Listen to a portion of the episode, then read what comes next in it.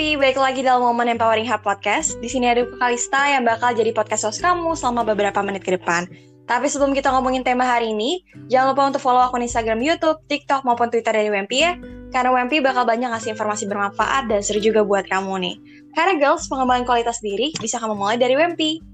Untuk podcast keempat WMP, kita bakal lanjutin sesi sebelumnya ya, atau part pertama nih yang lebih membahas mengenai apa sih itu kekerasan berbasis gender online Buat Wonder MP yang belum dengerin part pertama dari podcast kita, yuk buruan dengerin biar kamu gak ketinggalan nih. Masih sama ditemenin sama Ibu Siti Amina yang merupakan Komisioner Komnas Perempuan. Part kedua kita kali ini akan lebih membahas apa yang kamu lakuin ketika kamu atau orang terdekat kamu menjadi korban kekerasan gender berbasis online. Dan gimana sih prosedur untuk melaporkannya? Stay tune ya Wonder MP. Oke, Bu Siti, halo Ibu.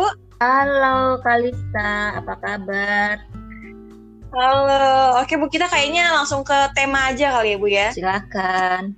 Mungkin kita langsung uh, membahas mengenai bagaimana seseorang ketika menjadi korban kekerasan gender berbasis online atau cyber ini. Sebenarnya Bu banyak banget teman-teman di luar sana yang mengalami kekerasan gender berbasis online. Terbukti dari jumlah yang kemarin udah dicatat tahunan dari Komnas Perempuan 900-an ke atas ya. Cuma nih mereka tuh kadang-kadang masih ada yang nggak sadar kalau mereka tuh merupakan korban dari kekerasan berbasis gender online ini dan katanya kalau misalnya kita mau ngikutin um, main internet ya mereka bilang udahlah nggak apa-apa namanya juga internet internet tuh keras gitu kalau kamu nggak bisa main sosmed ya mendingan nggak usah deh um, usah deh mainin gitu. Nah, teman-teman tuh ada yang masih bingung mengenai ciri-ciri atau pertanda bahwa dia itu mengalami kekerasan gender berbasis online. Ada nggak sih, Bu, kira-kira tanda atau ciri-ciri kalau misalnya kita nih udah jadi korban dan hal tersebut nyatanya udah merugikan gitu? Yang pertama, uh, teman-teman itu memahami dulu ya seperti yang kemarin disampaikan bahwa kekerasan online atau kekerasan berbasis gender cyber itu ragamnya kan banyak mulai dari penyebaran konten intim non konsensual atau dulu disebut revenge porn kemudian ada yang cyber harassment gitu ya. Kemudian uh, ada sexting, ada uh, defamation atau penghinaan, ada di cloning akun kita gitu, ada yang di stalking atau ada yang di grooming. Nah, yang mana dulu uh, teman-teman atau tadi seperti Kalista bilang ah biarin aja gitu ya. Karena misalnya contohnya yang paling banyak uh, kekerasan berbasis gender online atau KBGS ini adalah ancaman penyebaran konten intim termasuk uh, kalau itu ada ancaman ya kemudian ada yang sudah dilakukan penyebaran konten intim yang umumnya dilakukan oleh pacar atau mantan pacar atau suami atau mantan suami. Dampaknya apa kalau ada penyebaran konten intim kita ya? Dampaknya uh, secara umum namanya jejak digital, walaupun mungkin itu dihapus ya, di take down oleh uh, apa yang mengunggah itu sejatinya jejak digital itu tidak akan hilang, tidak akan uh, hapus. Kan kenapa? Karena misalnya oke, okay, uh, Kalista ini amit-amit ya Kal, misalnya yeah. punya pasangan nih, uh-uh. ketika pacaran nih oke okay, uh, eh, uh, eh, bikin uh, video call dengan melakukan aktivitas seksual kemudian uh, atau membuat uh, video atau membuat foto yang uh, ada aktivitas seksualnya ya itu yeah. dilakukan uh, oke okay, dalam relasi hubungan yang yang sedang baik gitu ya kemudian uh, ketika Kalista minta minta putus atau putus itu disebar gitu kan hmm. uh, yeah. ya makanya sebenarnya salah satu cara mencegahnya adalah tidak melakukan um, pengambilan foto atau video uh, intim termasuk uh, apa love cam karena ketika ada ada konten intim dan itu dikuasai salah satu pihak maka itu menjadi alat kontrol. Misalnya, oke okay, disebar nih dengan bilang, kau kalau lu nggak mau balik lagi sama gue gitu ya, uh, ini videonya aku sebar. Makanya Aduh. kemarin kemarin komen uh, ini banyak terjadi ya ancaman-ancaman kayak gini. Contohnya ini juga kemarin secara tidak patut misalnya digunakan pembicaraan-pembicaraan ini untuk iklan sebuah ini ya apa belanja online gitu ya. Ketika diklik ternyata merujuk itu.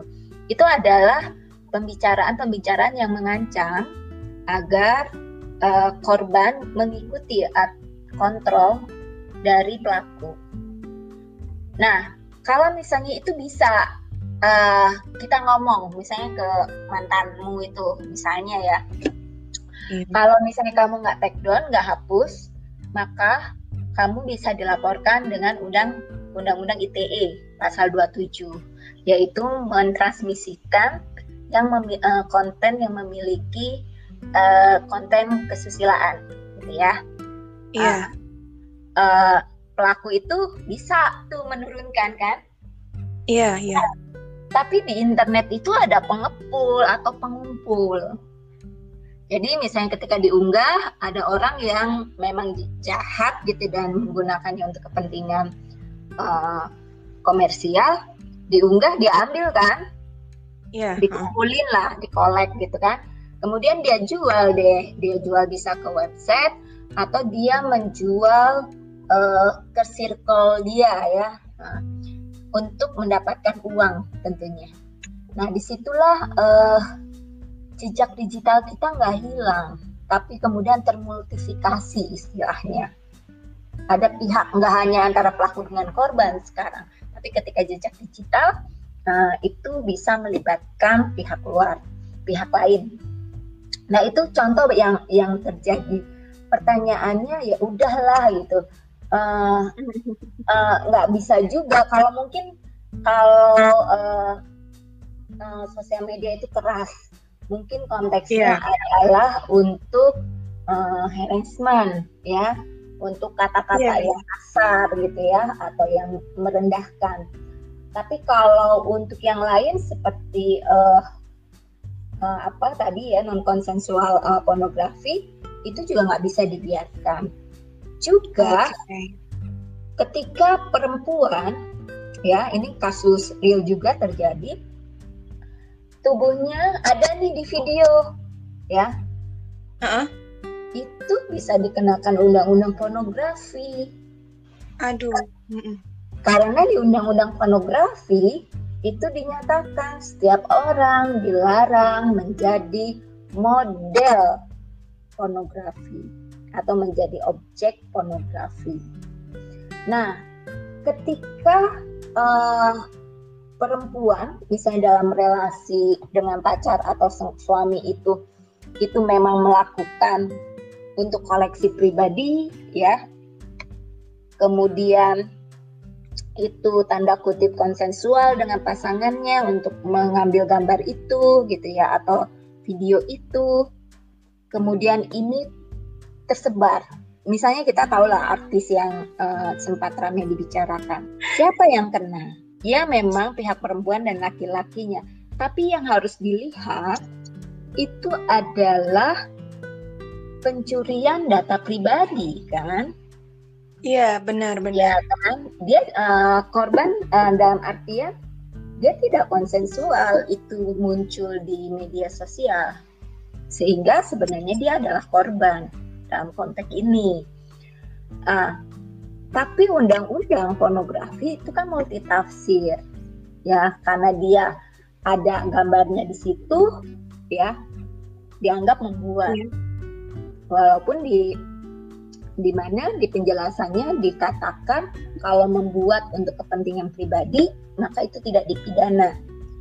Tapi konteks moralitas kita yang saat ini uh, seperti ini maka itu tetap mengenai perempuan.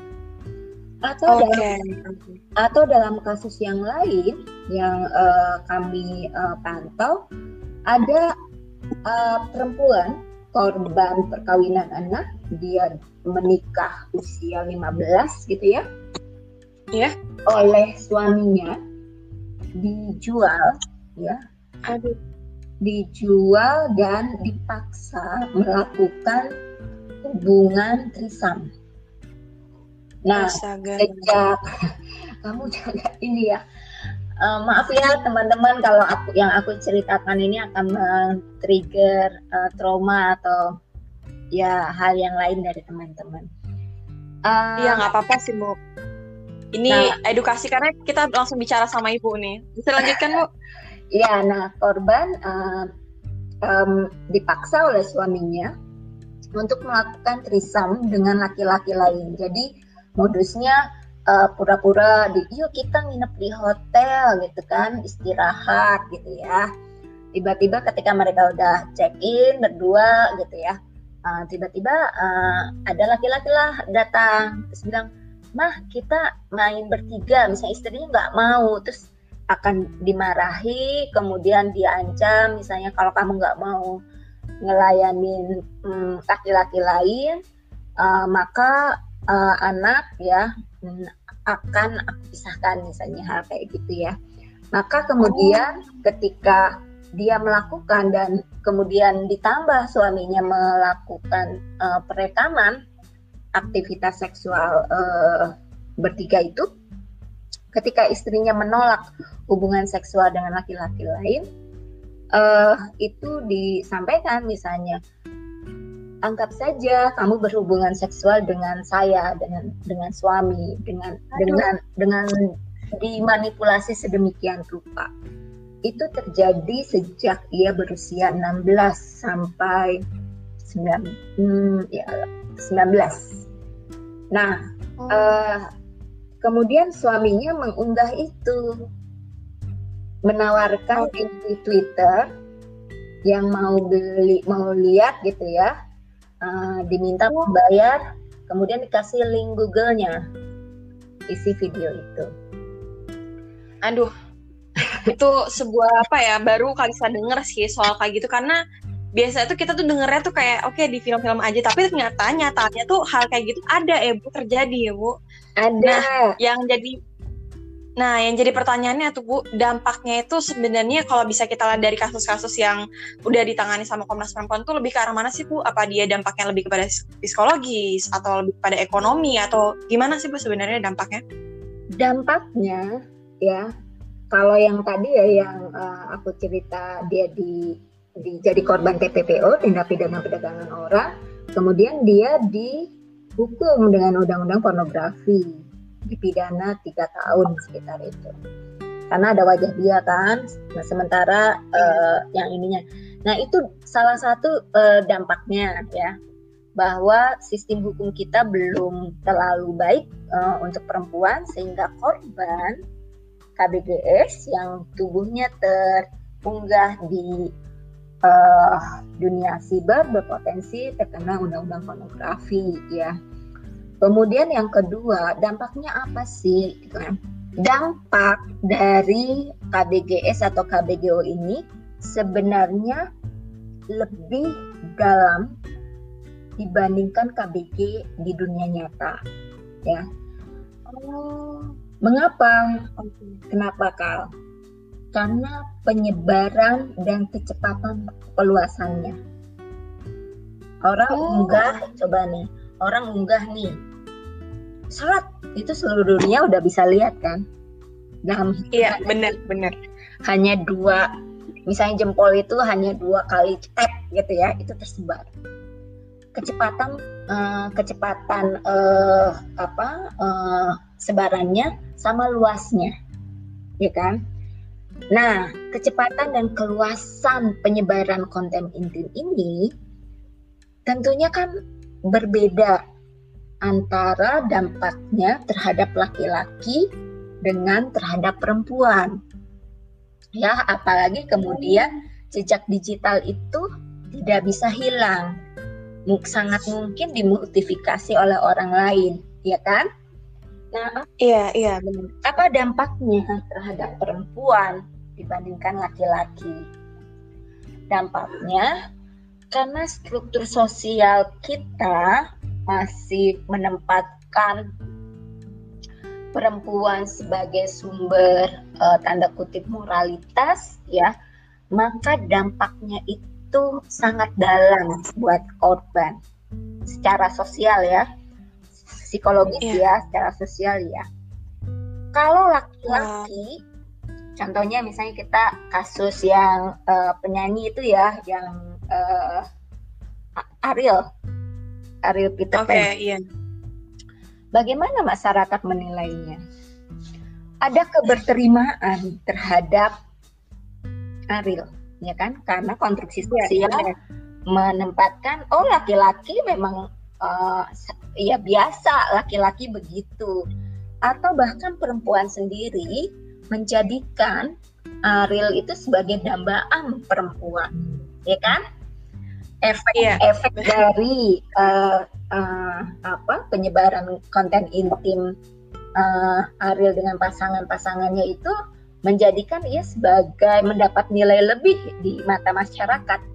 Laki-laki yang maco, laki-laki yang diharapkan oleh perempuan seperti itu kan, sehingga iya iya berlomba-lomba lah ya di diburu tanda kutip ya atau diidamkan lah ya oleh perempuan. Bagaimana sebaliknya dengan korban atau dengan pasangannya? Kita bisa lihat Aduh. bagaimana pasangan-pasangan yang uh, videonya terunggah. Hukumannya seperti apa yang diberikan masyarakat? Padahal kan sama-sama gitu kan. Kenapa hukuman yang, di, yang diberikan dalam dalam tanda kutip uh, sanksi sosialnya lebih besar terhadap perempuan, termasuk keberterimaan calon pasangan atau calon keluarga. Nah, Itulah yang memperlihatkan bagaimana dampak KPKS lebih dalam dampaknya terutama karena adanya jejak digital. Itu kal, uh, kalau misalnya disebutkan dampaknya, dampak psikologis dan dampak sosial yang uh, utama. Nah, uh, mungkin yang kita lakuin nih Bu ketika ada kita diri sendiri menjadi korban, apa yang pertama kali kita harus lakuin Bu? Apa dokumentasi buktinya atau langs malah langsung tutup akun sosial media gitu aja Bu? Gimana nih? Pertama, yang harus dicamkan dan diingat ya, ketika kita menjadi korban kekerasan berbasis gender atau KBGS dalam semua bentuknya, satu, itu bukan salah kita. Kita itu korban ya itu yang harus dicamkan. Kita adalah korban itu bukan salah kita. Yang salah adalah pelaku. Kedua amankan barang bukti. Caranya seperti apa? Screenshot ya. Misalnya kalau itu sexting hinaan ya. Screenshot ya. Kemudian uh, jangan menutup dulu, tapi uh, dalam artian tidak bangun komunikasi dulu dengan yang bersangkutan. Jadi levelnya beda-beda sih, uh, Kalista. Kalau misalnya itu WA, yaitu langsung saja blokir gitu ya. Tapi kalau misalnya kayak uh, penyebaran konten intim gitu ya, itu juga uh, di apa URL-nya itu disalin, kemudian diunduh. Uh, simpan di USB atau di uh, apa di uh, di tempat penyimpanan yang lain. Kemudian yang ketiga itu adalah cari bantuan.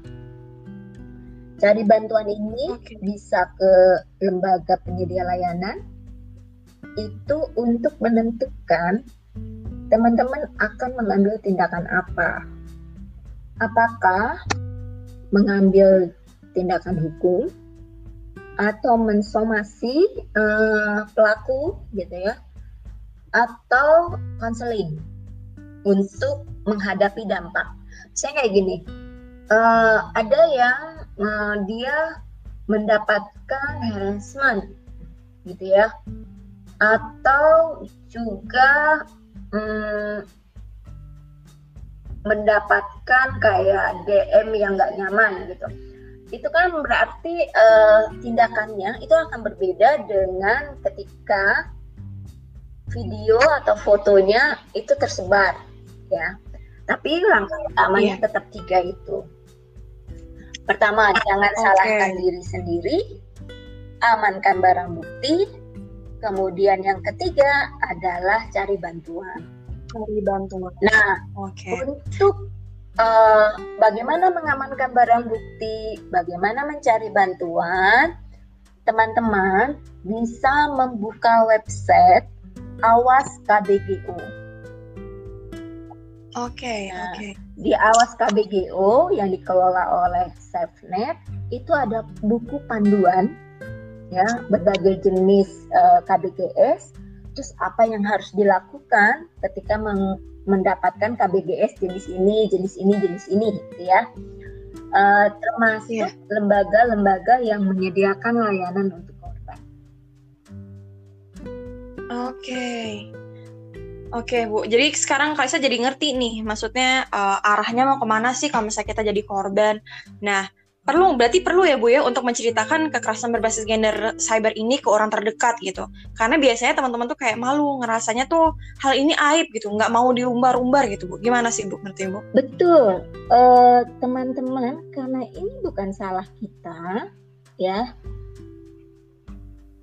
Tidak ada salahnya untuk bercerita.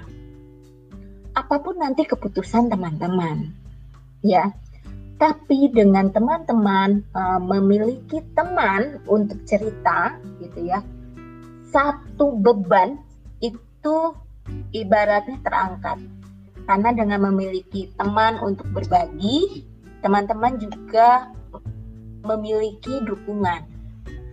Jadi yang harus dibangun di sini uh, ketika kita mendapati atau teman kita, keluarga kita itu menjadi korban, kita pertama juga tidak boleh menyalahkan.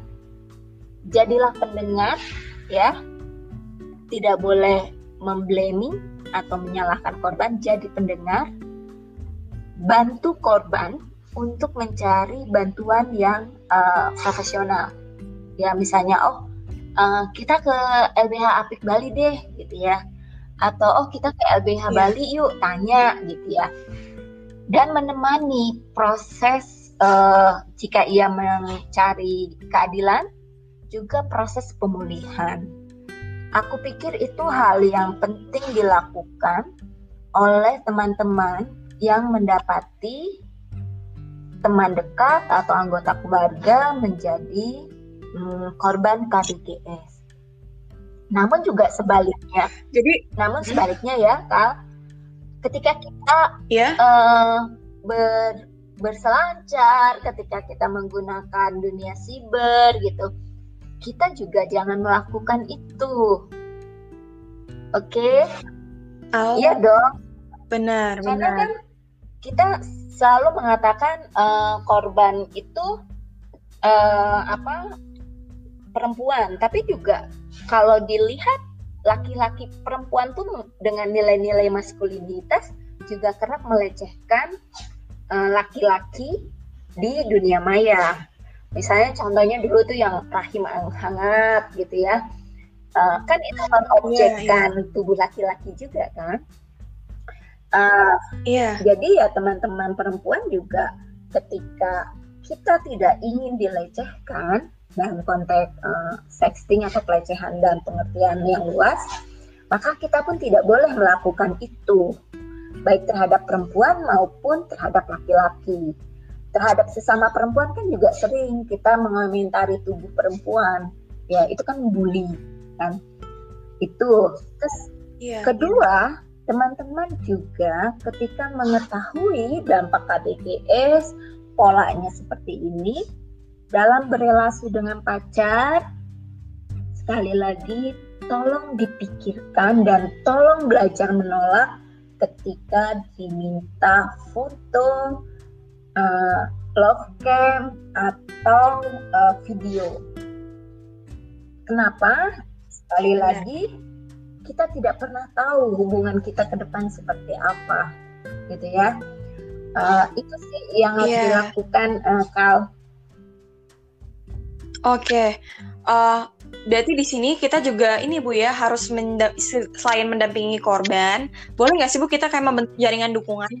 Kadang-kadang tuh kadang um, malah teman-teman atau society mikirnya jaringan dukungan itu malah memperluas uh, aib mereka untuk diketahui bu.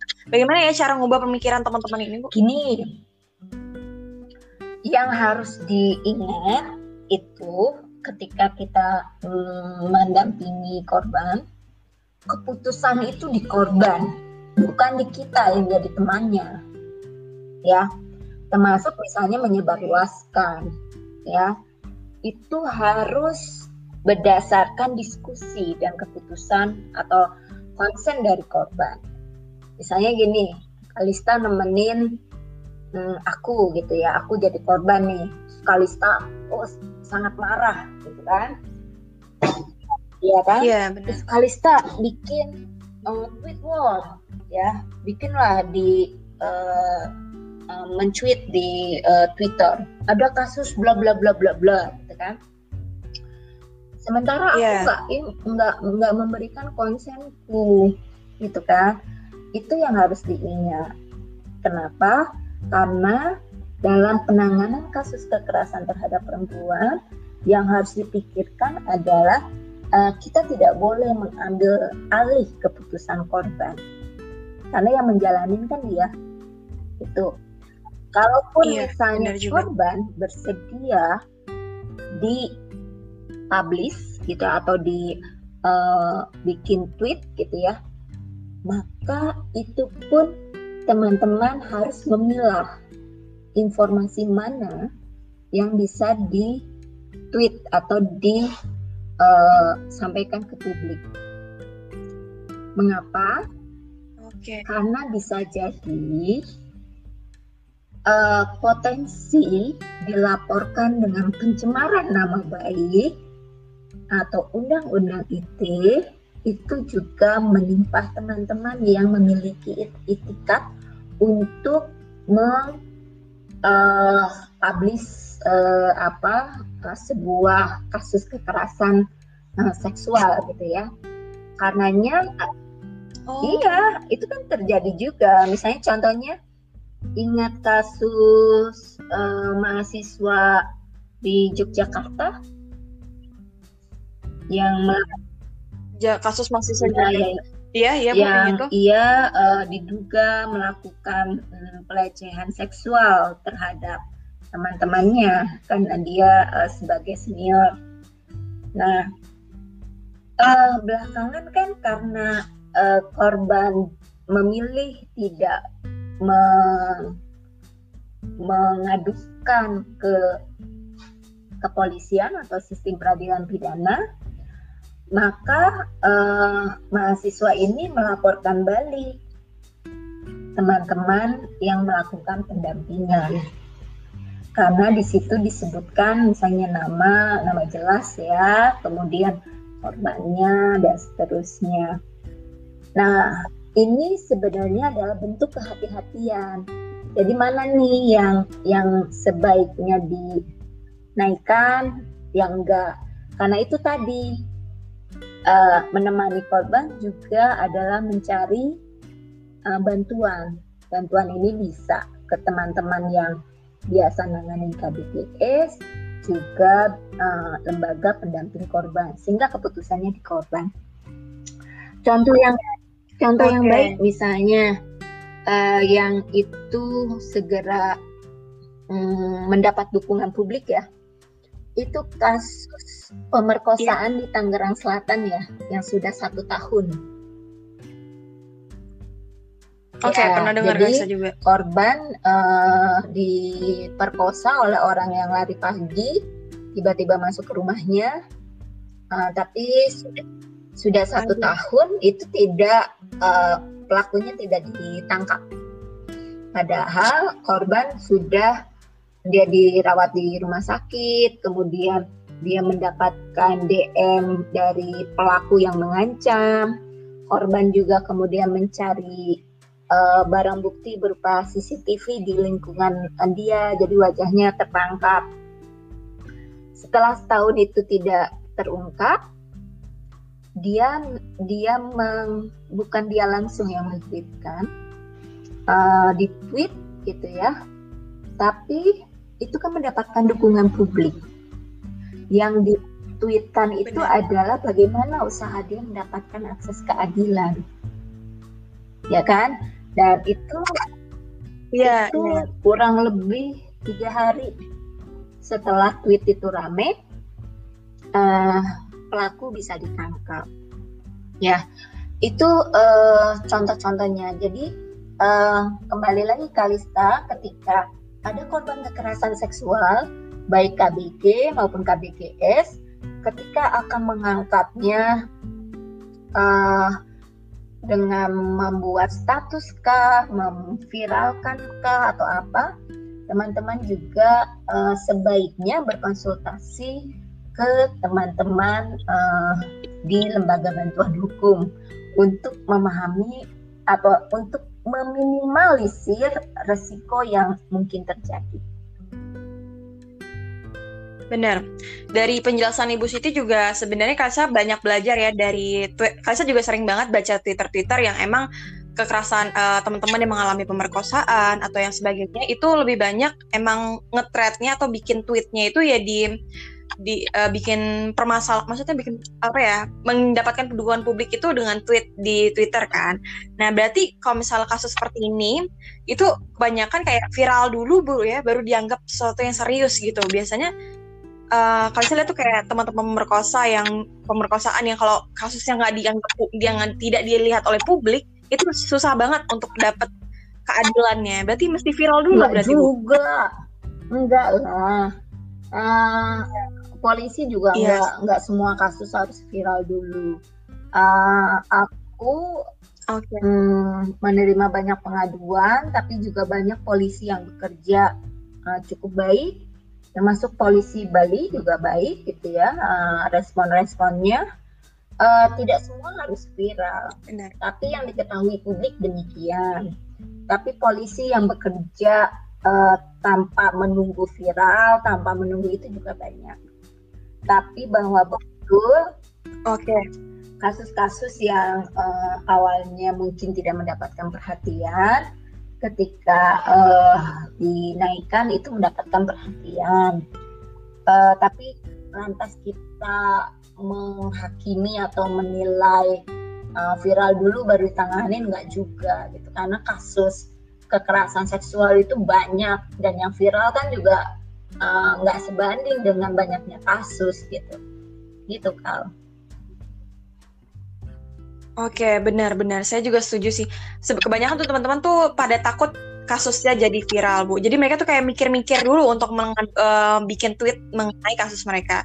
Dan selain itu juga, Bu, ya kan kalau misalnya kita buat kasus, maksudnya kita mengadukan ini di, internet, um, di internasional, di media sosial media, itu ada pelap, uh, ada di mana kita uh, apa tuh korban atau news di koran itu tidak mensensor nama yeah. korbannya.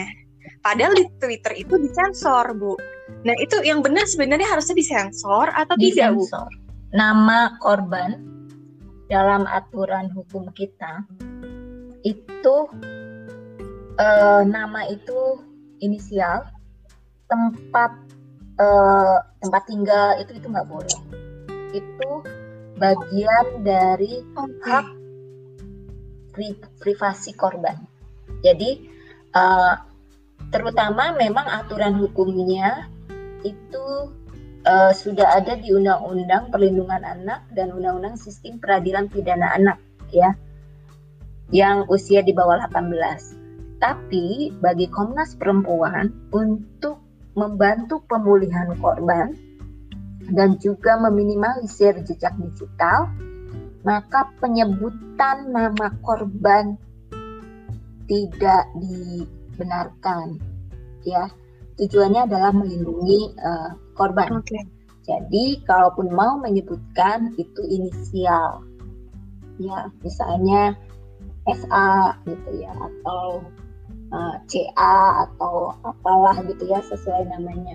Tempat tinggal juga enggak ya provinsinya lah kalau ini. Tapi sampai uh, RT 1 RW 2 nomor 5 itu kan ngasih tahu alamatnya kan gitu itu ya untuk identitas uh, korban nah okay. uh, kita mendorong agar pelindungan identitas korban ini naik menjadi undang-undang, yaitu melalui uh, eh, RUU penghapusan kekerasan seksual.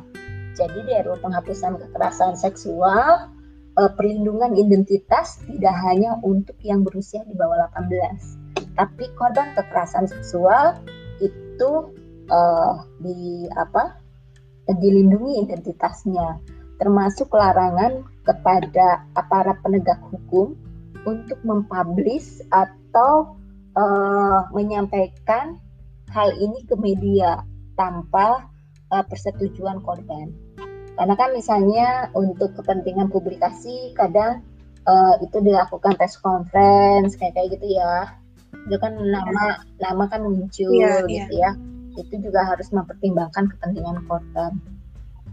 Sedangkan kalau untuk tersangka kalau itu pun uh, inisial ketika posisinya belum putus pengadilan ya. Itu salah satu upaya yeah. Uh, menghormati asas praduga tidak bersalah. Dan selalu menulisnya sebagai tersangka BA gitu ya. Uh, itu sih kalau kalau dalam konteks hukum. Walau memang Oke. Okay. Ya walaupun memang orang ngulik ya sekarang itu kan mudah ya. Iya, iya. Ke apa ya? Kekepoan masyarakat itu jadinya bikin kita kesulitan untuk menutupi nama korban gitu. Sementara kalau Kaisa perhatiin ya kasusnya Korea Selatan, itu mereka tuh uh, kasusnya diangkat Bu mengenai kasus pemerkosaan tapi uh, dan kita tuh jarang banget tahu siapa korbannya. Tapi kalau di Indonesia tuh aduh bu langsung banget banyak langsung aduh oh yang ini ya pasti ya oh yang ini orangnya ya langsung dicari tahu itu tuh yang menurut saya tuh kayak oh ini alasan uh, banyak apa tuh alasan banyaknya teman-teman masih ragu untuk uh, membuat kasusnya dikenal publik gitu ditahui oleh publik nah berarti kalau misalnya kita ngalamin kasus seperti ini uh, sebagai korban kita bisa ngelihat di panduan awas KGB KBGO dan juga email Komnas Perempuan maupun uh, call centernya iya. langsung Bu ya. Uh, Benar Bu? Kalau untuk pengaduan ke Komnas Perempuan ke email itu pengaduan at komnasperempuan.go.id. Jadi uh, itu juga hanya okay. uh, apa petugas yang mengelola email dan komisioner saja yang tahu sehingga identitas itu hanya diketahui oleh uh, beberapa orang saja di internal Komnas Perempuan yang yang kalaupun data yang keluar itu lebih untuk data apa ya misalnya untuk catahu ya itu nggak ada nama nggak ada alamat cuman uh, jenis kasus bentuk kasus seperti itu aja. Oke Bu, baik Bu terima kasih informasi dan ilmu yang bermanfaat mengenai kekerasan berbasis gender online atau cyber ini. Untuk korban sendiri, boleh nggak Bu Ibu memberikan saran atau masukan buat Wonder Wekti yang mungkin emang lagi misalnya dia merasakan uh, salah satu gejalanya atau dampaknya atau emang lagi di kasus ya, ini? buat teman-teman perempuan sekali lagi jika teman-teman menjadi korban kekerasan itu bukan kesalahan teman-teman. Segera cerita kepada orang yang dipercaya dan segera mencari bantuan. Percayalah bahwa teman-teman itu tidak sendiri. Akan ada banyak kawan yang akan menemani teman-teman untuk melalui jalan agar pulih kembali. Oke, oke itu aja Wonder Wempy bahasan dan diskusi kita kali ini mengenai kekerasan berbasis gender online. Jujur pembahasan mengenai kekerasan berbasis gender online ini jarang banget tersentuh oleh masyarakat atau yang baru diketahui di tahun-tahun belakangan ini. Padahal menurut aku kasus ini adalah kasus yang paling mudah dijumpai kita karena kita tuh pengguna sosial media yang aktif aku harap banget dari podcast aku sama Ibu Siti di Komnas Perempuan ini, kita bakal bawa perspektif baru untuk Wonder WMP yang mendengarkan dan jadi lebih tahu dan nggak takut nih buat melaporkannya kalau bisa berada pada posisi korban maupun mungkin ada teman-teman atau orang-orang sekitar Wonder WMP yang lagi ngalaminnya. Sebagai penutup juga, saya dan WMP mengucapkan terima kasih banyak sekali lagi ya Bu ya untuk Bu Siti ya, dan juga Komnas Perempuan. jaga kesehatan dan terima kasih sudah mensiarkan untuk uh, kita bergerak bersama melawan kekerasan terhadap perempuan.